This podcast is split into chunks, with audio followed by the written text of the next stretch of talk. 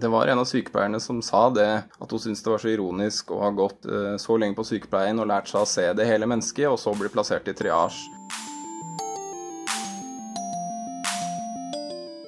Hei og velkommen til denne episoden av Sykepleiens podkast, som skal handle om prioritering av pasienter. Nærmere bestemt så skal vi til legevaktens indre liv. For tenk deg at du ankommer legevakt på det som for deg kanskje er den aller mest dramatiske dagen i ditt liv. I hvert fall den mest dramatiske på svært lenge. Du er kanskje forvirra og forslått, og du har smerter og mange spørsmål. Og da kan det være temmelig frustrerende om sykepleieren som du først får prate med, bare ber deg om å finne en plass, holde beinet hevet, hodet kaldt og legge trykk på såret. Du vil bli kalt inn når det er din tur. Lars Johannessen, som du hørte litt av innledningsvis, han er stipendiat på Senter for profesjonsstudier ved Oslo OsloMet. Han har nylig levert sin doktorgradsavhandling, der temaet er hvordan legevaktansatte kategoriserer og prioriterer pasienter. Blant annet har han gjennom feltstudier og intervjuer sett nærmere på triasjesykepleiernes virke. Vi tok en prat med Hansen og startet like godt med å be ham forklare hva en triasjesykepleier egentlig gjør. En triasjesykepleier på legevakt sitter som regel helt i front. Eh, de har ansvar for å gjøre hastegradsvurderinger eh, av pasientene som kommer inn. Eh, med det formålet å ordne køen inn til legevaktas leger. Da. De vurderingene her de tar typisk et sted mellom fire til åtte minutter.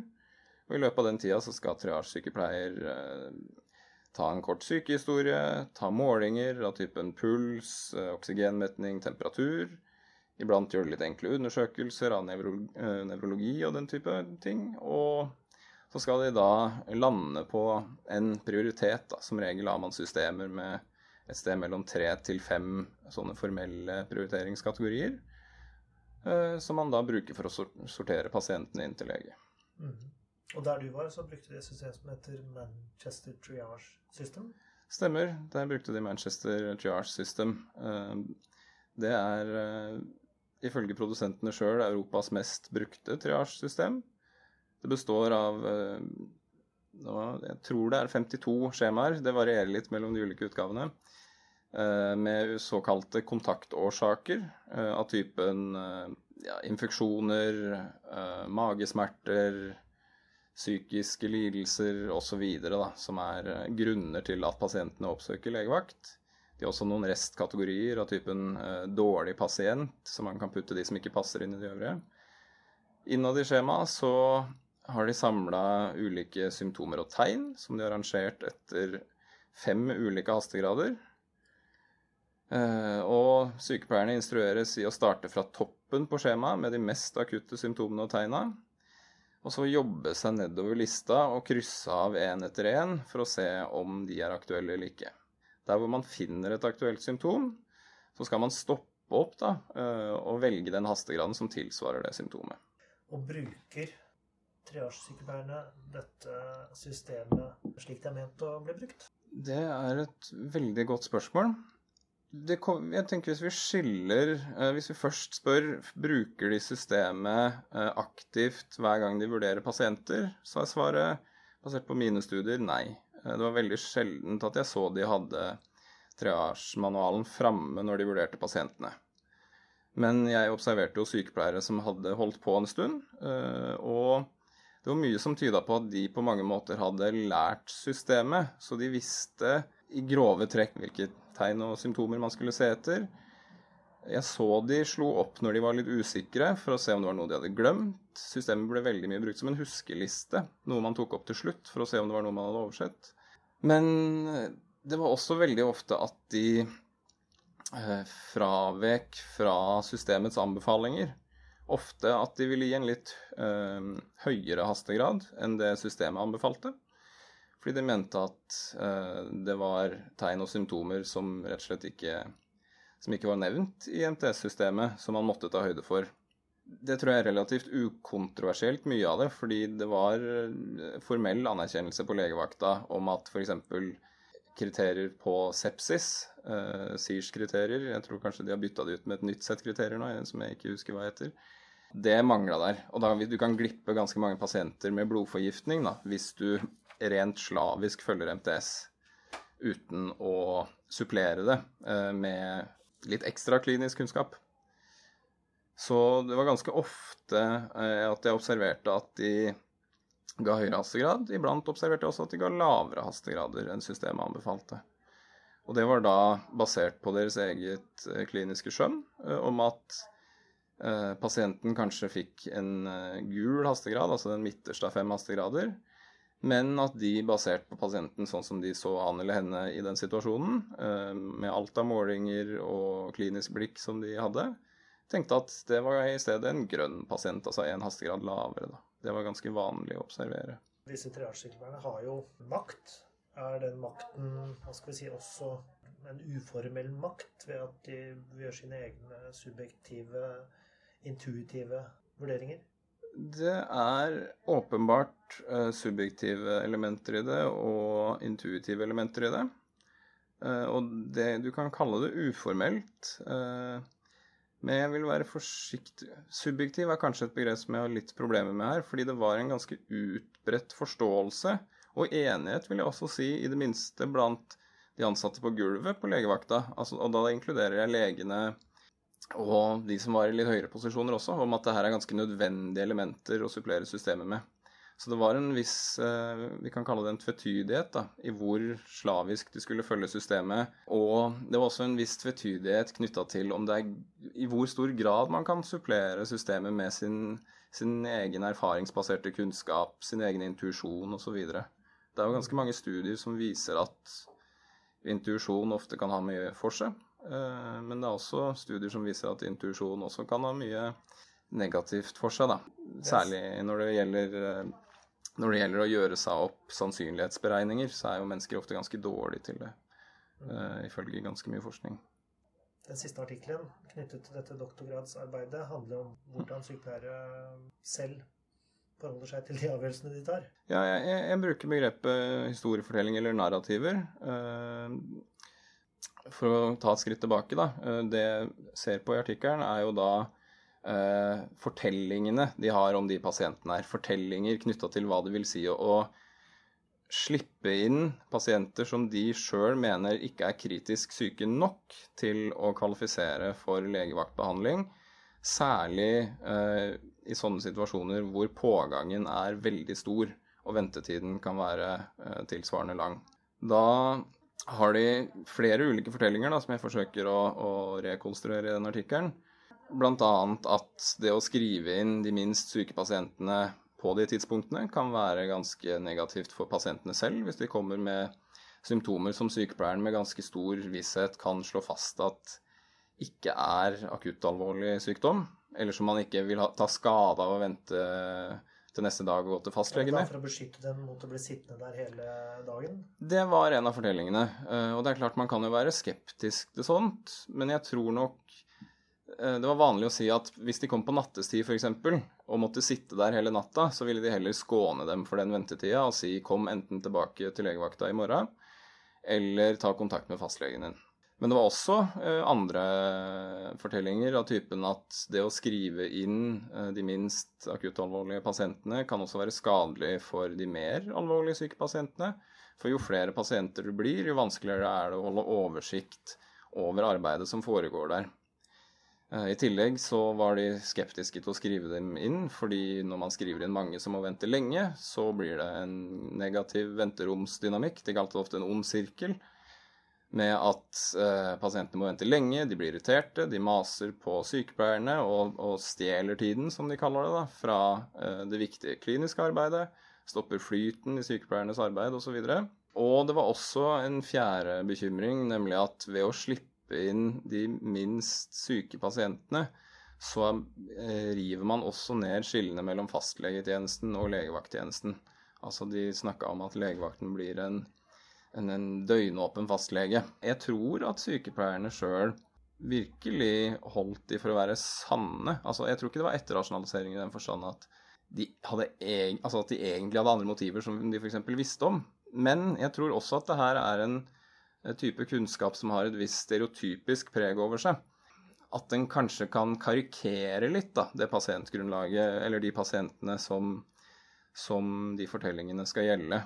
Altså f.eks. tilbøyeligheten til å begynne å mase, f.eks. det er vel ikke alltid gitt at pasientene som kommer inn, eh, ender opp med å bli masete. Eller det er ikke alltid gitt at det å skrive inn noen vil eh, være til skade for eh, de andre som kommer inn. Jeg vil ikke her ta stilling til, eh, tror jeg det er riktig å si, hvorvidt det de gjør her er riktig. Men det jeg kan si er at det de gjør her er begrunna, og at de begrunnelsene hadde en viss gyldighet. da. Altså det var tydelig ganske mange pasienter som kom inn Eh, med problemstillinger som veldig mange ville vært enige om at kanskje hadde vært mer egna for fastlegen. Eh, og det var mye samtidighetsproblematikk. Det var vel en av de største overraskelsene ved å komme som en outsider, som en sosiolog på legevakta, og se hvor hektisk det kunne være, hvor mye de hadde å gjøre, eh, hvor korte lunsjpausene deres var. Som akademiker så står du ganske fritt til å drikke kaffe og slappe av. Det var ikke alltid tilfellet der, da. Det er viktig å ikke tenke på det som etterrasjonalisering, at de er late eller at de sluntrer unna eller at de har sine egne agendaer. Men det er også viktig å være kritisk til den kunnskapen de legger til grunn. fordi selv om den er erfaringsbasert og at den sånn cirka svarer til forholdet, så er det ikke gitt at den er uproblematisk av den grunn. Det er veldig mange pasienter som kommer inn, og for triasjesykepleierne er det nesten som om de kommer på samlebånd. De har fire til åtte minutters vurderinger med kanskje ett minutts pause mellom hver, hvor de dokumenterer. Og så er det et nytt menneske med en ny historie. Og du ser strengt tatt ikke mennesker til slutt, tror jeg. Jeg tror du heller ser mer sjablonger, eller altså Det blir veldig karikert, da. Uh, I tillegg så er det lang ventetid. Pasientene kan bli grinete, aggressive, de kan klage mye. Du ser mye lettere de som klager, enn de som sitter stille og tvinner tommeltotter og venter. I tillegg så er det også sånn at pasienter og ansatte de ser tror jeg, vidt forskjellige legevakter. Jeg hadde noen økter hvor jeg fulgte pasientene i de laveste hastegradene. Og fra pasientens ståsted så virker det som om ingenting skjer overhodet. Du får veldig lite informasjon. Sykepleierne farer forbi i all hast. Og du blir sittende veldig og lure. Det er mye usikkerhet knytta til når er det min tur, feiler det meg noe, hva skal jeg gjøre nå? På, på sett og vis så var vel det kanskje de, de, kjedeligste øktene jeg hadde, var jo å sitte sammen med pasientene, fordi det, det skjedde jo, så lite. Det kan jo eh, kanskje tyde på at et sted å sette inn noen tiltak er informasjonen til pasientene? Ja, jeg, jeg tror det kan være Det kan være ett sted å begynne. Eh, på legevakta som jeg observerte, så hadde de også gjort det, og de mente at de hadde fått positive effekter av det. Eh, så jeg tror pasientene kan nok nesten ikke få for mye informasjon mens de sitter der. Og det er jo en del det kan finnes noen nye muligheter med en del apper eller tilsvarende. Det er en del teknologiske muligheter som finnes nå som man ikke hadde for ti år siden, som jeg tror det kunne vært eh, verdt å vurdere. For det er helt slående hvor forskjellig det er å følge ansatte og pasienter eh, på legevakt. For, for, de ansatte så går det slag i slag, og dagen er over nesten før den begynner. Men for pasientene så er det sneglefart. Er det noe som har um, overrasket deg spesielt mye, eller imponert deg, eller sjokkert deg i arbeidet? Den største overraskelsen var vel hvor kaotisk det virka da jeg kom dit første dagen. Den første dagen jeg kom, så var det ekstremt uh, mye å gjøre. Det var en uh, mandag. Mandager er veldig travle. Da har Sikkert mange gått syke over helga uten å få uh, kontakt med fastlegen. Kanskje prøvd å ta kontakt med fastlegen på mandag og fått vite at det er lang ventetid. Så da uh, har det en tendens til å hope seg veldig opp, da. Og min første dag var nettopp en mandag hvor uh, jeg tror kanskje jeg så oppunder 70 pasienter i den triasjeøkta jeg fulgte. Jeg er litt usikker på om jeg fulgte hele økta også. Men da var jeg temmelig kokt i hodet da, når det var over. Så jeg kan se for meg at det kanskje er, kan være litt tilsvarende for begynnende sykepleiere de erfarne er nok litt flinkere til å sortere uttrykk enn jeg var.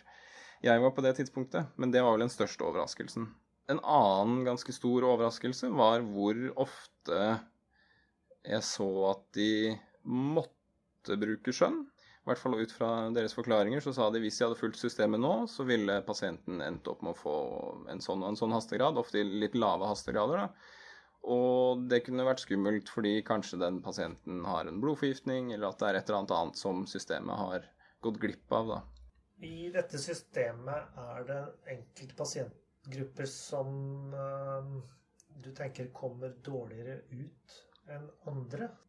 Ja, eh, jeg tror det er grunn til å tenke det. Eh, med et forbehold om at her må man nok ha mer kvantitativ forskning. Så var det bl.a. sånn eh, flytskjema for psykiske lidelser, det er ganske sparsommelig. Det inneholder ikke så veldig mange tegn og symptomer, og det skal være ganske alvorlige saker før man kommer seg høyt opp i prioritet. Da skal det være høy risiko for selvskading eller at man skal skade andre. Eh, hvis ikke jeg husker feil, så tilsvarer det en oransje prioritet, altså den nest høyeste. Her ser du eh, den røde hastegraden, det øverste. Da er det truet luftvei, utilstrekkelig respirasjon, sjokk, barn som ikke reagerer, og hypoglykemi. Altså ikke noe som nødvendigvis går på direkte på de syke... Ikke direkte på det psykiske? Nei, det kan nok være noe... symptomer som henger sammen med det. Noe av det, jeg er usikker. Eh, men på oransje, da, som er den nest høyeste, så er det endra bevissthetsnivå. Stor risiko for selvskading eller stor risiko for å skade andre. Og på gul så er det moderat risiko for selvskading, moderat risiko for å skade andre, tydelig plaget, alvorlig psykiatrisk sykehistorie og forstyrrende oppførsel. Og den, her er det riktignok sånn at den laveste er grønn. Altså den nest laveste er da den laveste her. For man skal ikke sende på dør pasienter som kommer med psykiske lidelser. Men eh, det en del av sykepleierne jeg snakka med, mm, mente, er at det, å, å, få noen opp på oransje da, i det skjemaet her, altså stor risiko for selvskading, stor risiko for å skade andre, det er jo skjønnsmessige vurderinger her, men de opplevde vel ofte at det var pasienter som de mente hadde ganske store problemer og stort behov for hjelp. Eh, kanskje ikke bare av kliniske grunner, men også at de hadde en veldig vanskelig livssituasjon på tidspunktet. Og at det da kunne være litt vanskelig å få de opp på den hastegraden de mente de fortjente. Og det her er jo kjempevanskelig prioriteringsspørsmål, for det å skulle prioritere eh, det psykiske opp mot det somatiske eller kroppslige, det er jo på ingen måte noen fasit for hvordan man skal gjøre det.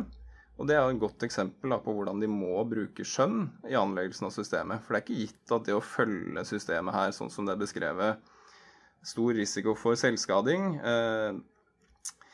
Er beskrevet her som at eh, den skal vurderes ut fra pasientens oppførsel, pasienter som har en alvorlig sykehistorie med selvskading, som aktivt prøver å skade seg selv, eller som aktivt prøver å forlate avdelingen med intensjon om å skade seg selv, er i stor fare.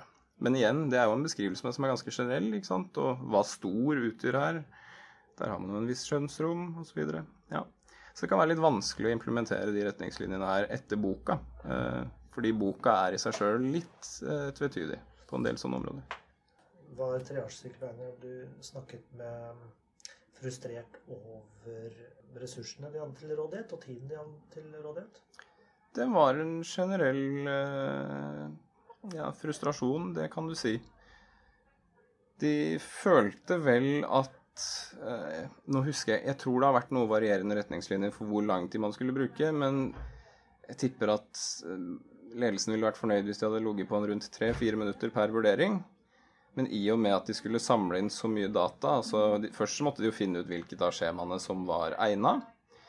Eh, det i seg sjøl kunne ta ganske lang tid, fordi pasientene kunne åpne ganske bredt med å fortelle om mange problemer, og så var det om å gjøre da å liksom få snevra det ned til eh, en konkret problemstilling. Og da kanskje har det gått et par minutter allerede der, hvis du får pasienter som er veldig pratsomme, eller som øh, har mange problemer, da. Nei, så, så, ressursproblematikken var stadig tilbakevendende. Uh, og det var vel en, en, idé der om at pasientmengden øker og øker, mens uh, tilsettingene de økte ikke helt i takt da, med tilstrømminga.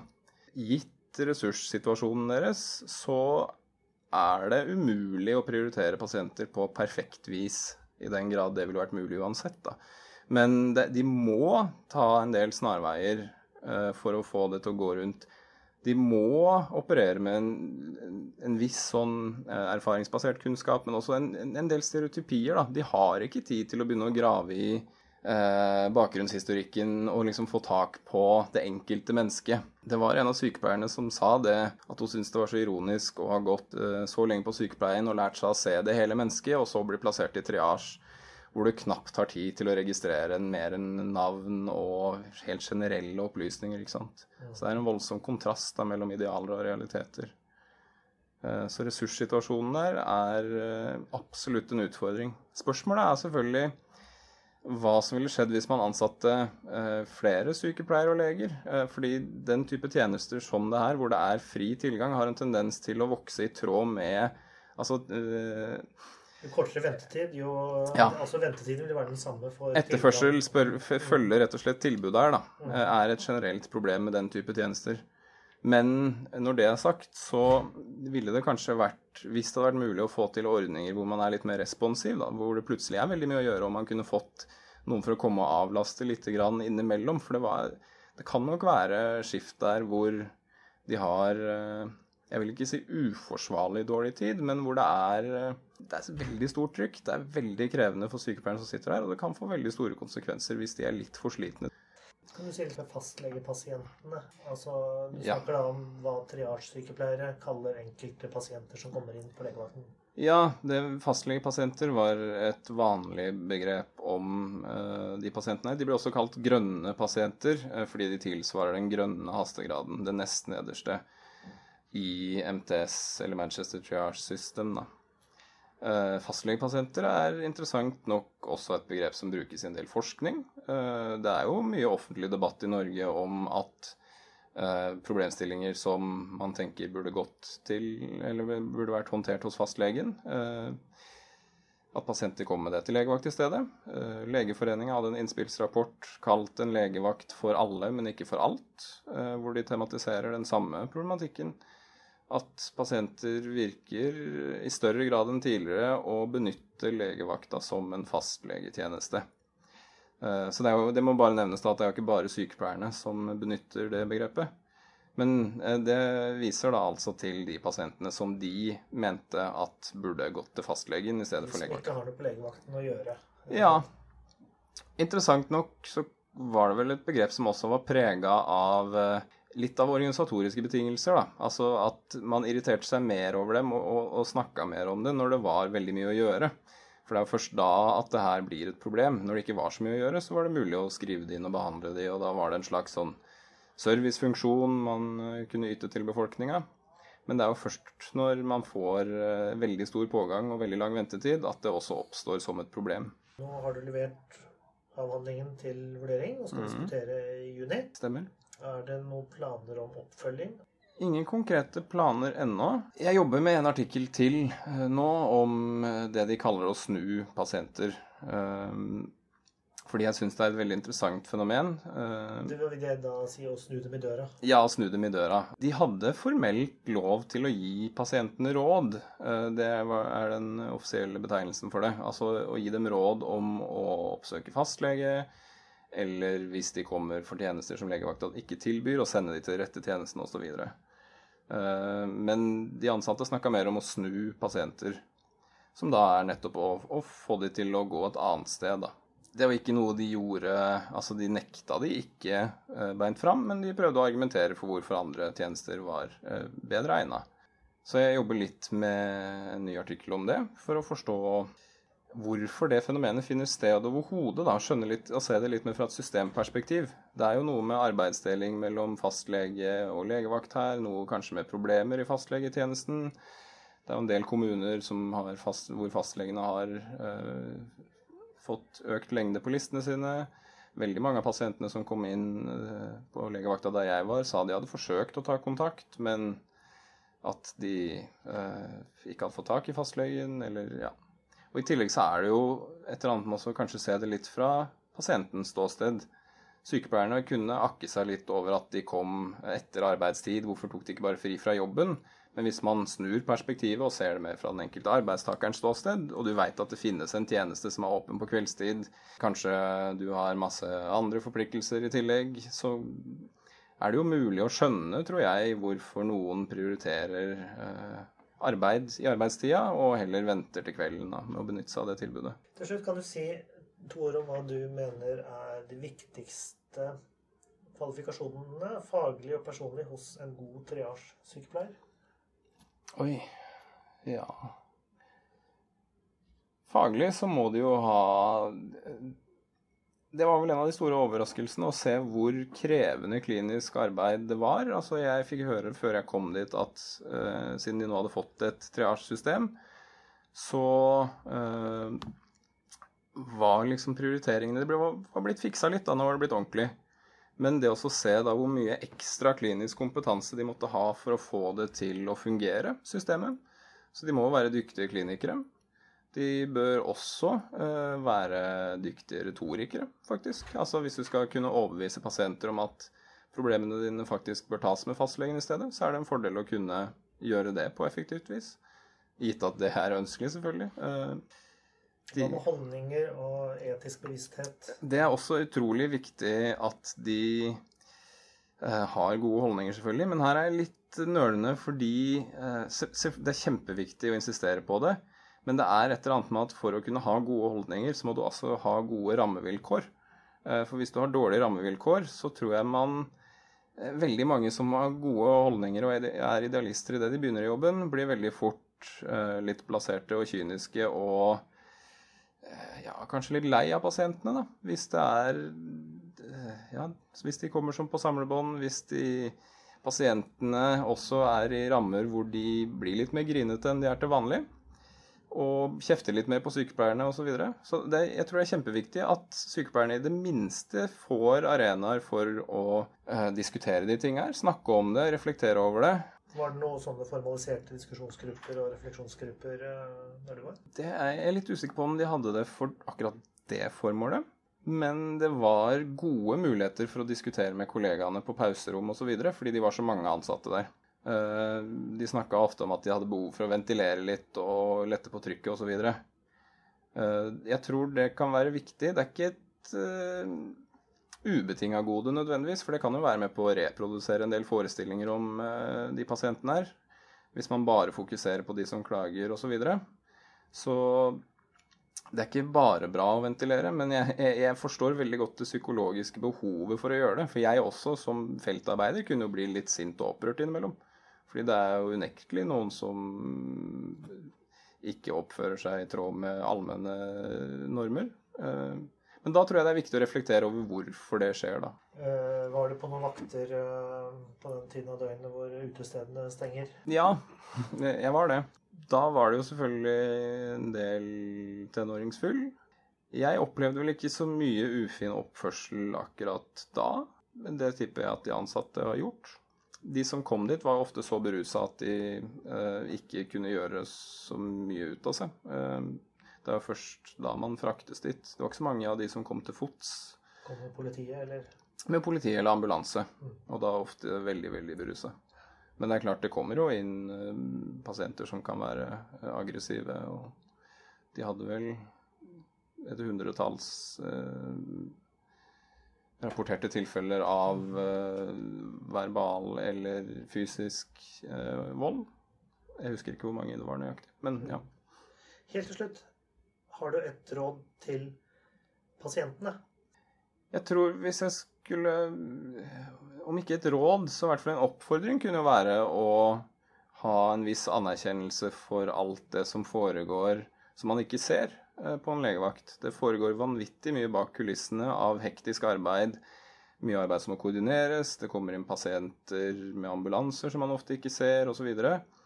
Eh, så etter å ha fulgt pasienter sjøl, så ser jeg jo at det kan se ut som det ikke skjer en døyt, men det foregår veldig mye Det er mye stress bak kulissene. Og kanskje også tenke litt over, prøve å tenke litt på seg sjøl i lys av eh, ja, Spenne ut eh, fantasien litt da, og tenke hvor alvorlige ting som faktisk kan komme inn på en legevakt. Fordi man, jeg tror det er fort gjort å bli litt selvsentrert når man har eh, vondt og føler seg syk og kanskje er litt redd. Jeg kjenner jo sjøl på det hvis jeg er syk.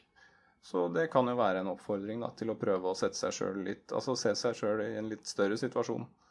Det var altså Lars Johannessen som har skrevet doktorgrad om prioriteringsarbeid på legevakt. Dersom du vil høre flere episoder av Sykepleiens podkast, så finner du alle på våre nettsider sykepleien.no, via iTunes eller på podbean.com. Jeg heter Ingvald Bergsagel. Vi høres.